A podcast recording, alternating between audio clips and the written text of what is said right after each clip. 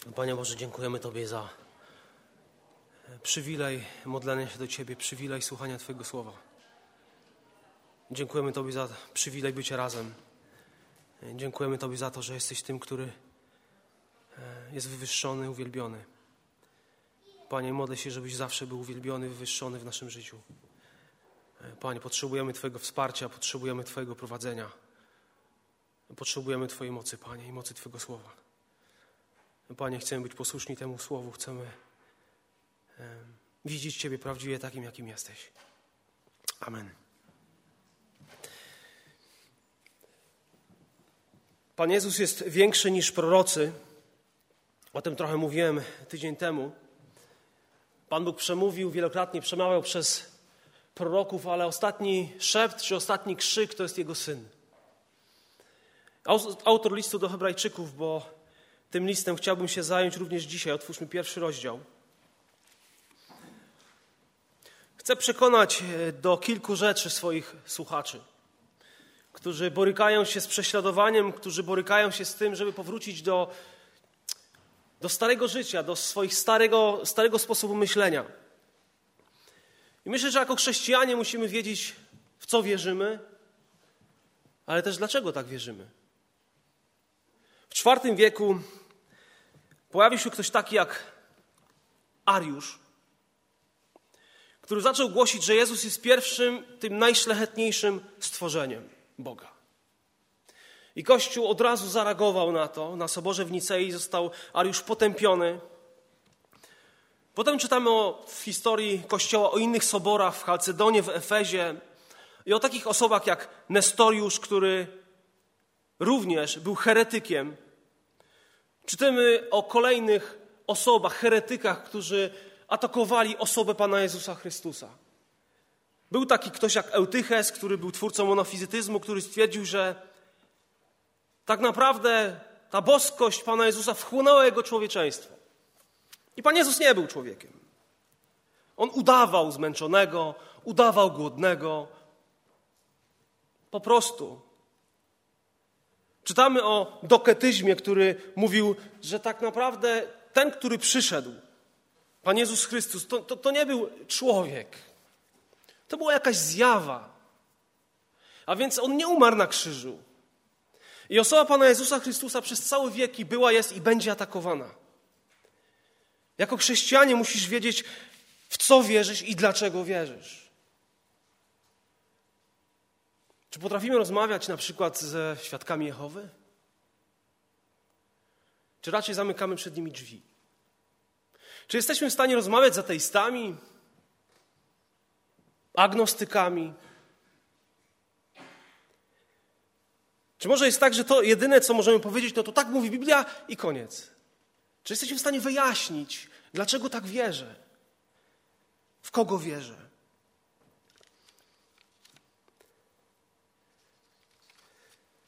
Pan Jezus jest większy niż prorocy.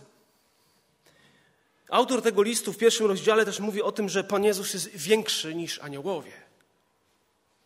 To może nam nic nie mówić, ale kim byli aniołowie? Kiedy patrzymy na historię Izraela, byli w niezwykły sposób traktowani przez, przez Żydów. Aniołowie, czyli posłańcy, inteligentne, moralne byty, bez ciała, niewidoczne dla oczu. Czasami aniołowie przybierali jakąś cielesną formę. Nie wstępowali w związek małżeński, nie podlegali śmierci. Bez problemu przenosili się z jednego miejsca na drugie miejsce. Czytamy w Bożym Słowie o tajemniczym aniele pańskim, aniele Bożym, który prowadził Izraela. I wielu Żydów miało takie przesądne, nawet czasami bałwochwalcze, bałwochwalczy szacunek do aniołów. To były dla nich naprawdę bardzo ważne byty. To przecież aniołowie dali im prawo, tak jest powiedziane. To prawo, które miał Mojżesz, zostało mu to dane przez aniołów. I aniołowie byli szanowani. Patrzyli na nich Żydzi jako na takich pośredników, mediatorów między Bogiem a człowiekiem. A niektórzy jeszcze z Żydów szli dalej i składali im pewnego rodzaju hołd. Ale autor listu do Hebrajczyków pokazuje, niższość aniołów. Pan Jezus Chrystus jest nad nimi. On nie jest stworzeniem, on nie jest aniołem, on jest Bogiem. I pierwszy rozdział pokazuje to, że Pan Jezus Chrystus jest synem Bożym, jest Bogiem. Z kolei drugi rozdział tego, tego, tego listu mówi o człowieczeństwie Pana Jezusa Chrystusa.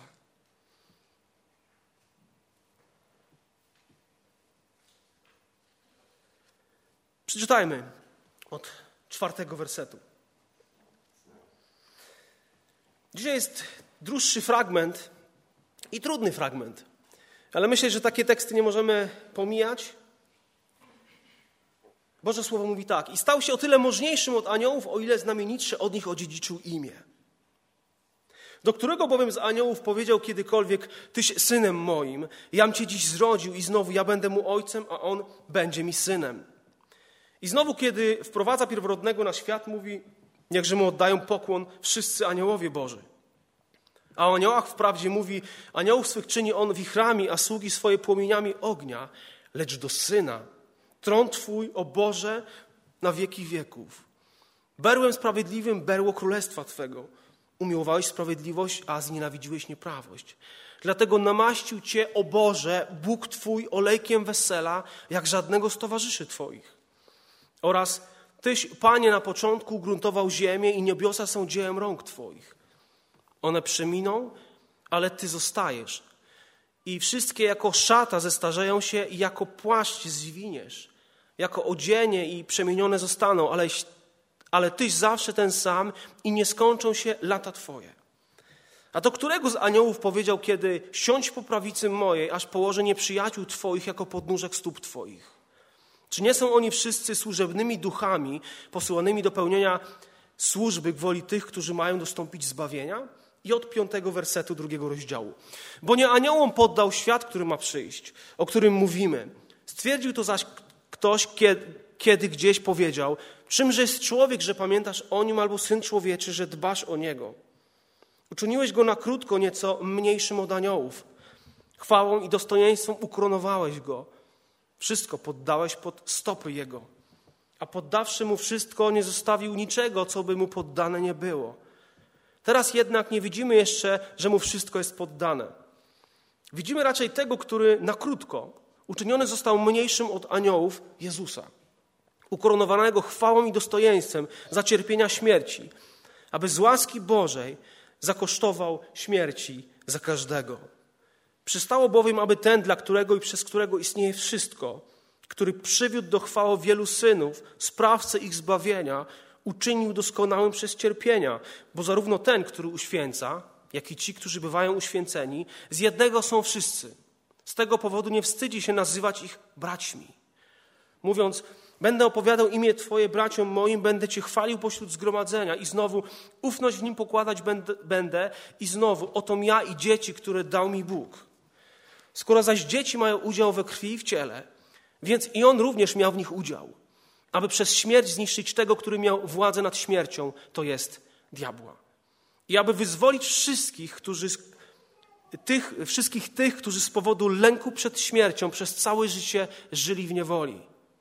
Bo przecież umuje się on nie za aniołami, lecz umuje się za potomstwem Abrahama. Dlatego musiał we wszystkim upodobać się do braci, aby mógł zostać miłosiernym i wiernym arcykapłanem przed Bogiem dla przebłagania go za grzechy ludu. A że sam przeszedł przez cierpienia i próby, może dopomóc tym, którzy przez próby przechodzą.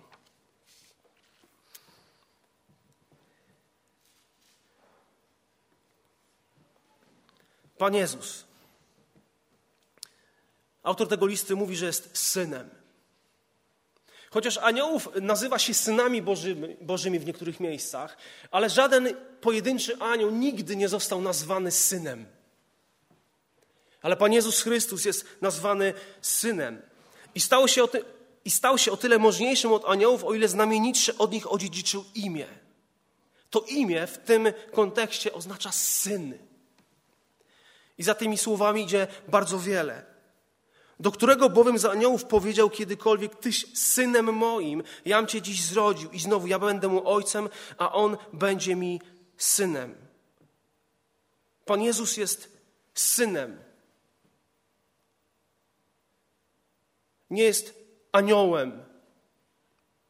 Pamiętam, jak kiedy jeszcze mieszkałem w Bydgoszczy, miałem z dziesięć studium ze świadkami Jehowi, którzy zaproponowali mi studiowanie, aby poznawał Słowo. I zacząłem z nimi studiować Słowo. Zaprosiłem ich do domu. I za każdym razem, kiedy rozmawialiśmy, praktycznie na końcu dochodziło do, do tego, kim jest Jezus tak naprawdę. No oni twierdzili, że jest aniołem. Ja mówię, nie, jest Bogiem. I kiedy wyjmowałem pewne fragmenty z Pisma Świętego, zazwyczaj czytali i potem mówili, że nie są przygotowani, muszą się przygotować, to za tydzień się spotkamy. Mówię, dobrze. I po dziesięciu spotkaniach byli nieprzyjednani i niezadowoleni tym, że ja wyznaję tą heretycką, tak, mam tą herezję, że Pan Jezus jest, jest Bogiem. I nie mogli mi udowodnić na podstawie Bożego Słowa, że to, co mówią, jest prawdą. I nasze spotkanie skończyło się tym, że do mojej skrzynki pocztowej wrzucili jakiś fragment sprzed stu lat, jakąś coś z, od świadków Jehowy, gdzie było napisane, że on jest aniołem i to był dowód na tym, że on jest. Jezus jest Bogiem. Pierwszy rozdział bardzo wyraźnie mówi o Jego wyższości nad aniołami. Jam Cię dziś zrodził. No, Pan Jezus miał początek. Ten fragment o tym nie mówi. Właśnie bardzo wyraźnie ten fragment pokazuje, że on nie jest stworzony, jest zrodzony, ale nie jest stworzony. I apostoł Paweł w swoim wielkim kazaniu w Antiochii Pizydyjskiej mówił, o co chodzi z tym zrodzeniem. Mówi o zmartwychwstaniu. To zrodzenie dotyczy zmartwychwstania Pana Jezusa Chrystusa. Pierwszy cytat pochodzi z Psalmu 2, Siódmy werset, Tyś synem moim, ja Cię dziś zrodził. Drugi fragment z drugiej księgi Samuela 7,14, kiedy ten fragment dotyczy Salomona. Ale bezpośrednio i na końcu, końcowe zastosowanie tego fragmentu dotyczy syna Jezusa Chrystusa. Pan Jezus jest synem. Po drugie, Pan Jezus jest pierworodnym, który otrzymuje uwielbienie od aniołów. Jest obiektem ich czci. I znowu, kiedy wprowadza pierworodnego na świat, mówi, niechże mu oddają pokłon wszyscy aniołowi Boży. Nie czytamy w Bożym Słowie, aby tak zostało powiedziane do jakiegokolwiek anioła, że wszyscy mają tego anioła uwielbiać i wywyższać. Ale tak było powiedziane do Syna. Niechże mu oddają pokłon wszyscy aniołowie Boży. On jest pierworodnym, on jest praprzyczyną. I to słowo pierworodny, po pierwsze, może oznaczać pierwszy w kontekście czasowym. Mój syn Kuba jest moim pierworodnym, bo się jako pierwszy urodził. Ale to nie jest jedyne znaczenie tego słowa pierworodny. Pierworodny, pierworodny również znaczy pierwszy co do rangi, pierwszy co do zaszczytu. I również w takim kontekście to słowo jest używane w kontekście Pana Jezusa Chrystusa. Pierworodny, pierwszy, najwyższy rangą. Ten, który jest praprzyczyną, jest przed, jest pierwszy wśród, jest najważniejszy, jest tym, od którego wszystko pochodzi. Wiemy o tym, że oddawanie czci komukolwiek poza Bogiem w religii żydowskiej było bałwochwalstwem. Prawda? A Pan Bóg zaleca oddanie czci, uwielbienie Chrystusowi. Bóg nakazał aniołom to robić. Jezus jest większy niż aniołowie. Jezus Chrystus jest Bogiem. Dalej mówi autor tego listu. A o aniołach wprawdzie mówi aniołowie, aniołów swych czyni on wichrami, a sługi swoje płomieniami ognia. I również coś w kontekście służby aniołów jest powiedziane w czternastym wersecie. O tym, że one usługują. Usługują ludziom i wiemy, że aniołowie usługują Bogu. To jest fragment z Psalmu 104. Aniołowie służyli naszemu Panu Jezusowi Chrystusowi. Aniołowie służyli ludziom. Służyli Jezusowi, kiedy był na ziemi. I dzisiaj nadal mu służą. On jest ich Panem. One, o, aniołowie, te niezwykłe istoty wykonują wolę Chrystusa, można powiedzieć, z taką szybkością wiatru z gorliwością, żarliwością ognia. On mówi, a one działają. Widzimy, że Pan Jezus jest synem, jest pierworodnym, którego wielbią aniołowie. Czytamy o tym, że aniołowie jemu usługują, jemu służą. I dalej autor tego listu mówi, że on jest Bogiem, który, królem, który zasiada na tronie i powtarza to, co było powiedziane w trzecim wersecie. On jest tym, który zasiada na tronie i jest namaszczony radością.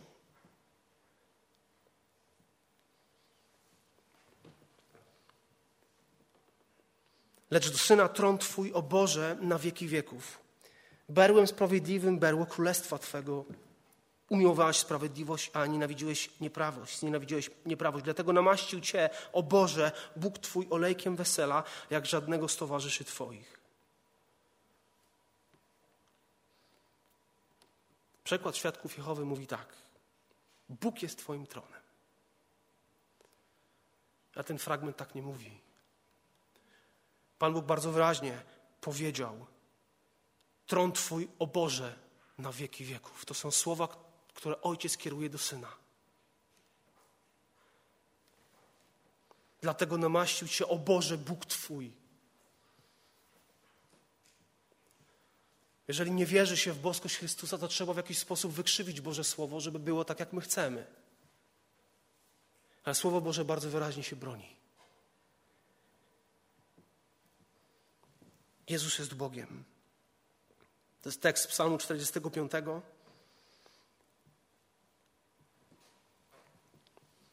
Również z Psalmu 110. Jezus jest Chrystusem, pomazańcem Bożym, Mesjaszem. Jest teraz na tronie. I Pan Jezus sam odniósł się do tego fragmentu w Ewangelii Marka w 12-14 rozdziale, a Piotr między innymi użył jakby tych słów w swoim kazaniu w dniu pięćdziesiątnicy. Psalm 45 jest psalmem radości, psalmem weselnym. I nasz Pan Jezus Chrystus jako król siedzi na tronie też jako oblubieniec, który przygotowuje miejsce dla swojej ulubienicy i czeka.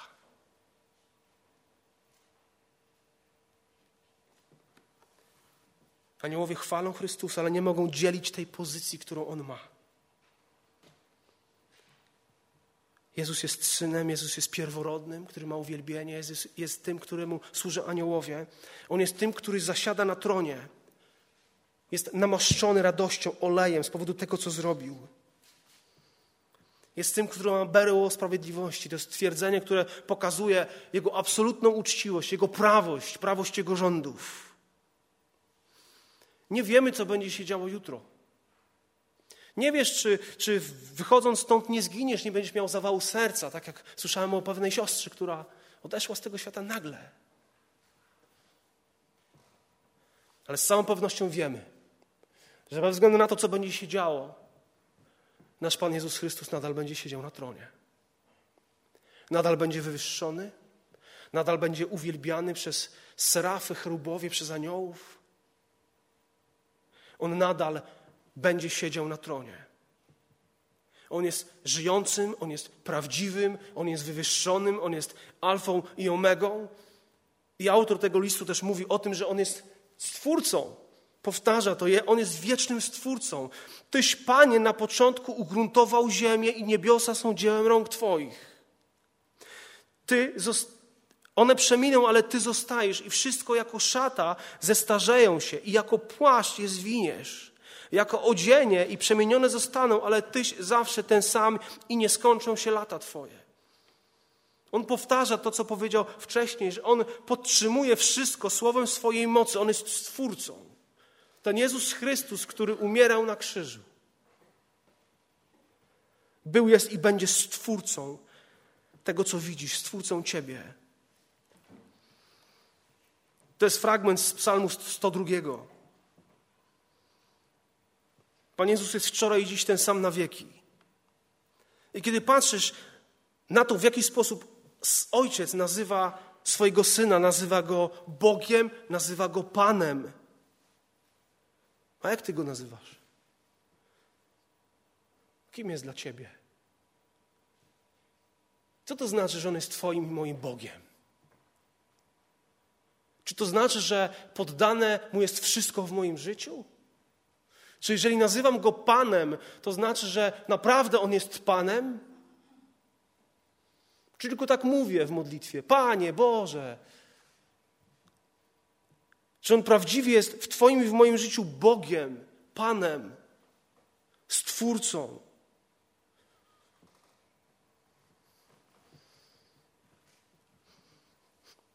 Autor tego listu mówi, że Chrystus jest też władcą.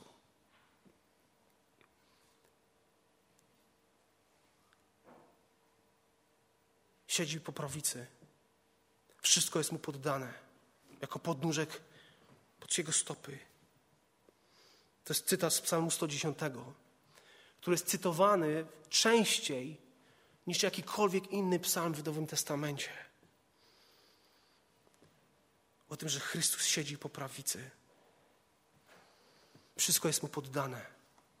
I chociaż dzisiaj nie widzimy tego, ale on cały czas jest na tronie i to, co się dzieje, to, jest, to dzieje się z jego dopustu, ale pewnego dnia będzie koniec. I on zacznie rządzić, zacznie sprawować swoje, swoją władzę prawdziwie. Człowiek to zobaczy. Ten psalm 110 uczy boskości Chrystusa.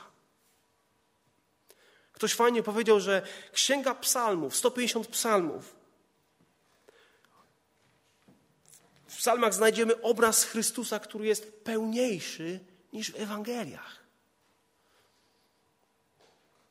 Pełniejszy obraz Chrystusa niż w Ewangeliach. On jest na tronie. To jest wielokrotnie wspominane w Nowym Testamencie. Chrystus jest synem. Aniołowie są sługami. Chrystus jest królem, aniołowie mu służą. Są jemu poddani. Chrystus jest stworzycielem, aniołowie są stworzeniem. W pierwszym rozdziale pokazuje wyższość Pana Jezusa nad aniołami. Pokazuje to, że jest Synem Bożym, jest Bogiem. Ale w drugim rozdziale czytamy o, o tym, że Pan Jezus Chrystus jest Synem Człowieczym. A dlaczego musiał stać się człowiekiem? Jakby ktoś zadał wam takie pytanie, ale po co Jezus musiał stać się człowiekiem? Czy nie mógł przyjść jako Bóg i zrobić swoje i pójść z powrotem? Dlaczego musiał stać się człowiekiem? Czy to jest istotne w ogóle?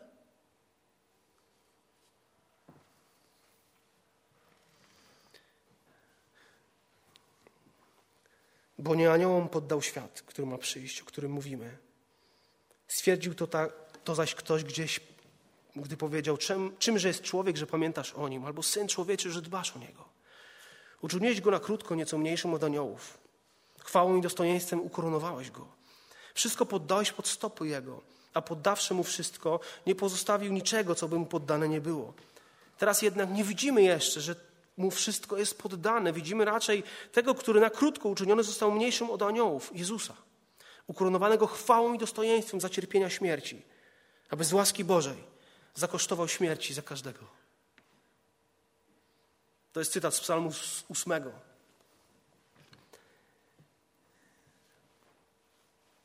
Gdy Pan, Pan Bóg stworzył człowieka, dał mu władzę nad, nad tym, co, co, co Adam i Ewa widzieli. Miał panować, miał zarządzać i to wszystko Adam z powodu grzechu stracił. Oddał kierownictwo w ręce tego, który był jego wrogiem. kiedy psalmista Dawid mówi o tych słowach, o człowieku, to, to wręcz się dziwi, że Pan Bóg podzielił się z człowiekiem taką chwałą, takim dostojeństwem. Stworzył go na swój obraz i podobieństwo. Uczynił go człowieka nieco mniejszym od aniołów. Ale człowiek otrzymał przywilej o wiele wyższy niż aniołowie. A pomyślcie, jaki przywilej otrzymał Syn Człowieczy, Pan Jezus Chrystus. Pan Jezus nigdy nie obiecał żadnemu, żadnym aniołom, że będą panować w przyszłym świecie. Ale powiedział to o Chrystusowi. Ba, powiedział to o wierzącym. Powiedział to Tobie i mnie, że będzie taki czas, kiedy będziemy panować z Chrystusem. Nie aniołowie. To nasz mistrz i my będziemy panowali z Jezusem. Gdy patrzysz na drugi rozdział, widzisz, że człowieczeństwo Pana Jezusa Chrystusa spowodowało to, że on odzyskał władzę, którą człowiek utracił. Stał się tym, który dał człowiekowi zupełnie nowy start.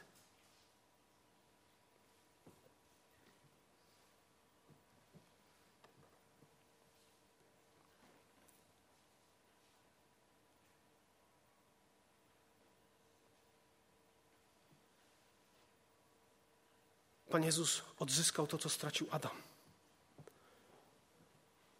Człowiek miał w jakiś sposób chwałę i dostojeństwo jako korona Bożego stworzenia, ale wszystko to stracił i stał się niewolnikiem. Stał się niewolnikiem grzechu. Stał się niewolnikiem strachu. Stał się niewolnikiem swoich rządz. Ale Pan Jezus wszystko odzyskał, to co człowiek stracił. Człowiek stracił świętość, stracił relację z Bogiem, a Jezus to odzyskał. Gdyby Pan Jezus Chrystus nie stał się człowiekiem, nie mógłby zakosztować śmierci. Bóg nie umiera. Nie mógłby zakosztować śmierci. Musiał stać się człowiekiem. Aniołowie nie mogą umierać, oni nie umierają. Prawdą jest też, że aniołowie nie mogą zbawić.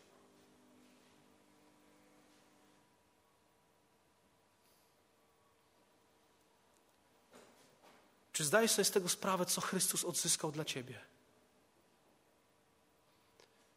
Co On wywalczył dla Ciebie i dla mnie? Czy widzisz tego, który jest wywyższony? Czy widzisz syna?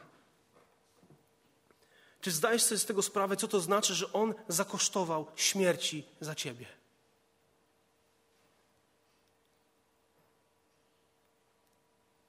To był cel Jego przyjścia. Umrzeć. I dlatego na krótko musiał stać się mniejszym od aniołów. Musiał stać się człowiekiem. Musiał się ograbić z tego, co miał w chwale. Musiał się wcielić. On doświadczył tego, czym naprawdę jest śmierć. Zakosztował głębi tej śmierci, w całej pełni. On umarł. On zrobił to za ciebie i za mnie, dla ciebie i dla mnie. I to się wszystko zadziało z łaski. Pokonał tego, który był naszym wrogiem, odzyskał panowanie. Dalej, autor tego listu mówi o tym, że jego człowieczeństwo umożliwiło mu doprowadzenie wielu synów do chwały. Gdyby Jezus nie umarł jako człowiek, nie zmartwychwstał, kto otworzyłby nam bramę do nieba? Kto otworzyłby nam drogę do nieba? Przystało bowiem, aby ten, dla którego i przez którego istnieje wszystko, który przywiódł do chwały wielu synów, sprawcę ich zbawienia, uczynił doskonałym przez cierpienia, bo zarówno ten, który uświęca, jak i ci, którzy bywają uświęceni, z jednego są wszyscy. Z tego powodu nie wstydzi się nazywać ich braćmi, mówiąc: Będę opowiadał imię Twoje braciom moim, będę się chwalił pośród zgromadzenia i znowu ufność w nim pokładać będę. I znowu, oto ja i dzieci, które dał mi Bóg.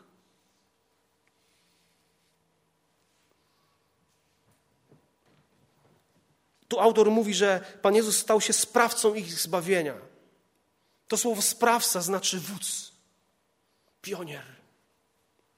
Ten, który pierwszy idzie i czyni pewien szlak, po którym możesz iść później za nim. On jest tym liderem, on jest inicjatorem, on jest założycielem, kapitanem.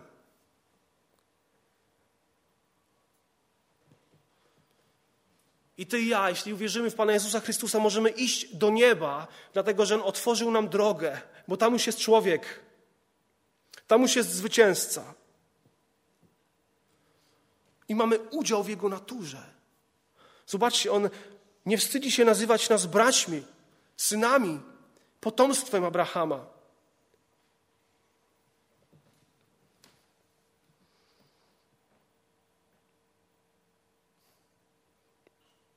Pisarz cytuje tutaj psalm 20, autor tego listu, cytuje psalm 22, który jest psalmem mesjańskim, psalmem krzyża.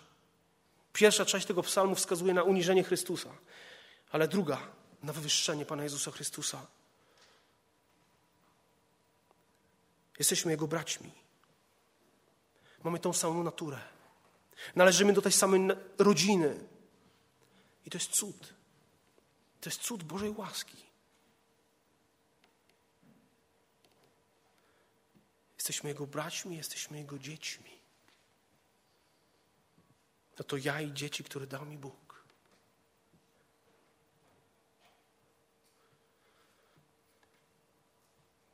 I gdyby nie przyszedł, gdyby nie stał się człowiekiem, nie mielibyśmy udziału jako ludzie w Jego chwale, kiedy wrócił.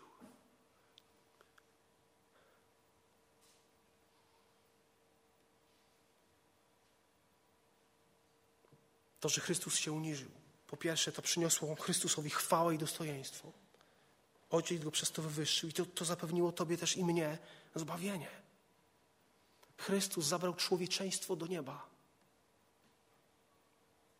A więc człowiek, Jezus Chrystus, który jest również Bogiem, jest teraz w chwale, ale również chwała jest teraz w człowieku, w Jezusie Chrystusie.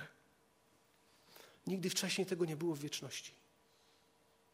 Nigdy wcześniej człowiek nie zasiadał na tronie. Ale dzisiaj nasz Pan zasiada na tronie. Zasiada w chwale i tą chwałę widać w nim. A Boże dzieci mają udział i będą mieli udział w tej Bożej chwale, w tej Bożej cudowności. Autor tego listu też mówi o uświęceniu, który też jest fajnym tematem w całej, tej, w całej tej księdze. Zazwyczaj uświęcenie, kiedy jest mowa o uświęceniu, to jest mowa o uświęceniu w kontekście Ducha Świętego. Tak? I to jest zadanie Ducha Świętego, uświęcenie nasze. To, abyśmy byli coraz bardziej podobni do Pana Jezusa Chrystusa. Ale również list do Hebrajczyków mówi o uświęceniu w kontekście nie Ducha Świętego, w kontekście Jezusa. Co ono oznacza? Ono nie oznacza jakiejś kondycji, ale świętość Pana Jezusa oznacza pozycję. Jeżeli chcesz dostać się do nieba, musisz mieć pozycję doskonałej świętości. I to mamy w Jezusie. Jesteśmy uświęceni, tak mówi ten list. Jesteśmy, y, ten, ta, ta księga, ten list. Jesteśmy uświęceni. Jesteśmy doskonali. Bez tego nikt nie ujrzy, nie dostanie się do wieczności.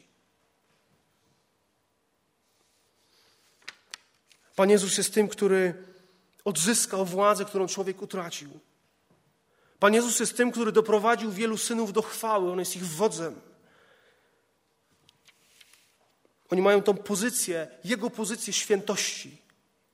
Kolejna rzecz, Pan Jezus Chrystus jest, musiał stać się człowiekiem, aby Jego człowieczeństwo umożliwiło Mu rozbrojenie szatana i wybawienie nas od śmierci. Jezus musiał stać się człowiekiem.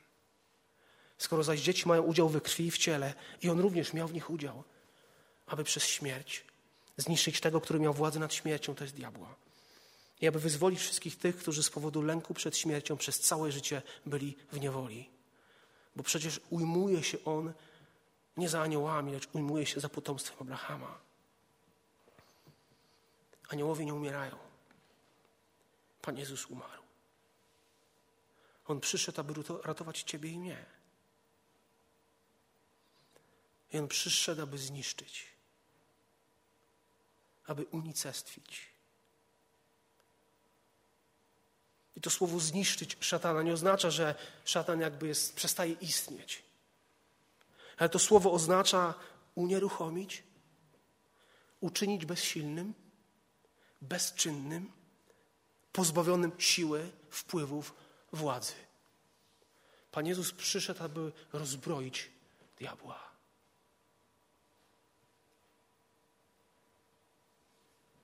Jest rozbrojony. Wiemy o tym, że Pan Jezus jest Panem życia i śmierci. Bez Jego ostatecznego słowa i zdania nie może się nic zadziać. Ale wiemy też, Boże Słowo mówi, że diabeł jest tym, który na, na razie jest Panem tej sfery jeśli chodzi o, tutaj o ziemię. Jest on źródłem, autorem grzechu, A przecież wiemy, że grzech sprowadza śmierć. W tym sensie szatan jakby sprawuje władzę w tym królestwie śmierci.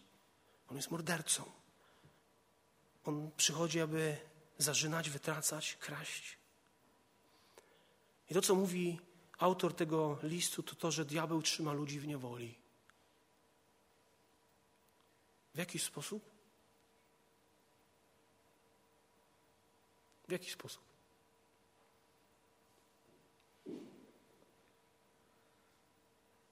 Poprzez strach przed śmiercią. Poprzez strach przed śmiercią. I żyjemy w czasach, w których coraz więcej ludzie się boją. Bo są trudniejsze czasy, jeśli chodzi o znalezienie pracy, więc boją się, że nie znajdą. A przede wszystkim boją się śmierci. I wiecie, że wielokrotnie ludzie dopuszczali się haniebnych rzeczy, żeby uratować skórę. Byli w stanie sprzedawać swoje rodziny, wydawać swoich sąsiadów, żeby ocalić skórę, bo bali się śmierci. Szatan używa dzisiaj strachu przed śmiercią, jako tej, tej straszliwej broni, aby przejąć kontrolę nad życiem człowieka. Strach przejmuje kontrolę. Czego dzisiaj się boisz? Czego dzisiaj tak naprawdę się boisz? Co powoduje, że może nie jesteś w stanie zasnąć normalnie wieczorem? Czego się boisz? Jakie masz obawy?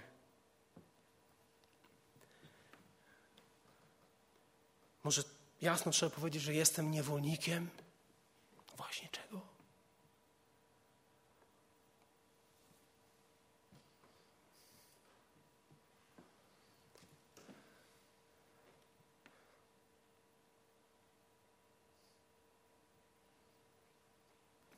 Diabeł został pokonany.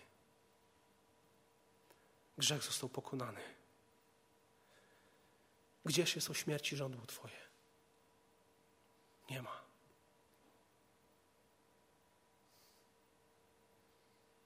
Czego się boisz?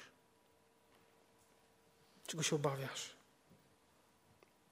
Pan Jezus przyszedł, aby zniszczyć tego, który miał władzę nad śmiercią. To jest diabł, on go rozbroił. To jest lew, który ryczy, któremu zęby zostały powybijane. On może tylko ryczeć i paraliżować ludzi.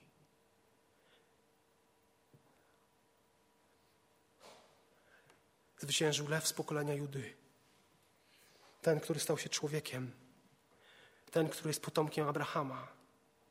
Ten, który nie jest aniołem. Jest człowiekiem, w pełni człowiekiem i w pełni Bogiem.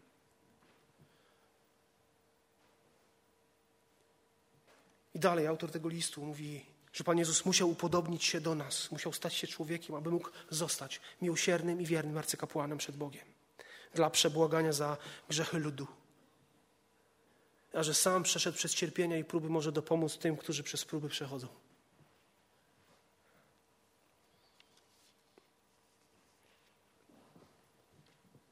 Aniołowie nie cierpią. Nie mogą utożsamiać się z nami z naszymi słabościami, potrzebami, ale Jezus może, bo Jezus stał się człowiekiem. I kiedy był tu na ziemi, On się upodobnił do nas, On był jednym z nas. On doświadczył tego, tych nieszczęść natury ludzkiej. Wiedział, co to znaczy być bezradnym dzieckiem, dorastającym dzieckiem. On wiedział, co to znaczy przechodzić przez okres dojrzewania nastolatka. On wie, czym, czym było zmęczenie, ból, cierpienie, pragnienie, głód. On doskonale wiedział, co to znaczy być pogardzanym, odrzuconym, okłamanym, zdradzonym, fałszywie oskarżanym. Doświadczył fizycznego cierpienia i w końcu doświadczył śmierci. Ale to wszystko było częścią jego szkolenia. Szkolenia do, tego, jego, do tej niebiańskiej służby arcykapłana. Gdyby Pan Jezus Chrystus nie doświadczył tych ucisków, słabości, pokus, bólu, to nie nadawałby się do, do tego, aby być nazywany arcykapłanem, aby go nazywać kimś, kto mnie rozumie. Ale kiedy przechodzisz przez trudne chwile, to On ci współczuje. On doskonale wie, co to znaczy być człowiekiem, bo On jest człowiekiem i jest Bogiem. I Boże Słowo mówi, że On się ujmuje. To słowo ujmować się za kimś znaczy, że chwytasz kogoś w celu uratowania go, przenosisz go do bezpiecznego miejsca i taka osoba jest uratowana. W każdym momencie, w każdym ucisku, w każdej potrzebie możemy udać się do Niego. Możemy być przekonani, że On rozumie. Możemy mieć świadomość tego, że On był, był tam przed nami. On jest doskonałym pomocnikiem. On jest tym, kogo potrzebujemy. I On jest miłosierny i On jest wierny. I nie chcę tutaj mówić już na koniec o, o Jego arcykapłaństwie, o tym będę mówił później. Widzisz Jezusa, który pokonał każdego wroga. I On jest w stanie udzielić Tobie i mnie swojej łaski. Łaski, której potrzebujesz na każdy dzień. On jest w stanie dać Tobie zwycięstwo, kiedy jesteś kuszony, kuszona. On jest w stanie dopomóc. I to słowo dopomóc Tobie znaczy, tak, jakby sens jest tego, że biegnie rodzic na wołanie dziecka. Kiedy Ty wołasz, tato, mamo, tak, kiedy dziecko wodzi, to tata biegnie. I to samo jest powiedziane o, o tym, który również, kiedy potrzebujesz, to on biegnie do Ciebie, kiedy go wołasz, aby nieść pomoc kiedy tego potrzebujesz. On jest doskonałym arcykapłanem, on jest orędownikiem, on jest pośrednikiem. Pierwszy rozdział ukazuje obraz wywyższonego Pana Jezusa Chrystusa. Tego, który, który jest synem. Tego, który jest pierworodnym, którego uwielbiają wszyscy aniołowie. On jest tym, któremu służą aniołowie. On jest tym, który zasiada na tronie, jest namaszczony, jest pełen radości. Wyobraźcie sobie, kiedy on przyszedł po raz pierwszy, po, kiedy wstąpił do nieba, po tym, co dokonał dla człowieka. Jaka wielka radość musiała być w niebie. Jak aniołowie musieli z podziwem uwielbiać go z powodu tego, co zrobił, czego oni nie byli w stanie zrobić. On jest tym, który zasiada na tronie, jest namaszczony. On jest tym, który jest wiecznym stwórcą. I on jest władcą. On jest tym, któremu służą aniołowie ale też jest człowiekiem. I musiał stać się człowiekiem, aby odzyskać to, co człowiek stracił. On stał się człowiekiem, aby doprowadzić wielu synów do chwały. Ciebie i mnie, jeśli jesteśmy Jego dziećmi. On jest tym, który, który umożliwił i rozbroił szatana i wybawił Ciebie i mnie od śmierci. I On jest tym, który współczuje Tobie.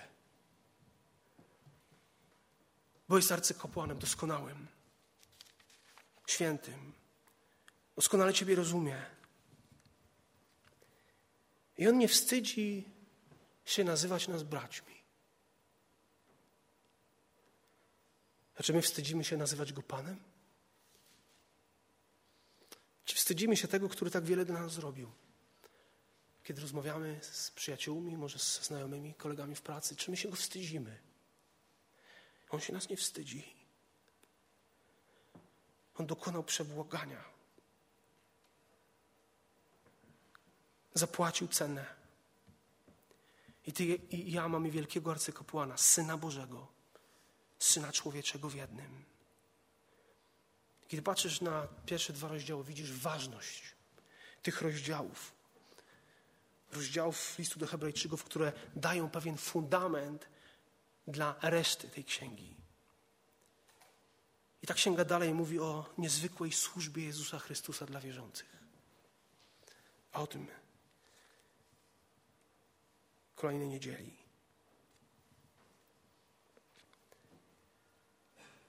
To jest trudny tekst. Ale wiecie co, wydaje mi się, że coraz mniej rozmyślamy o Jezusie.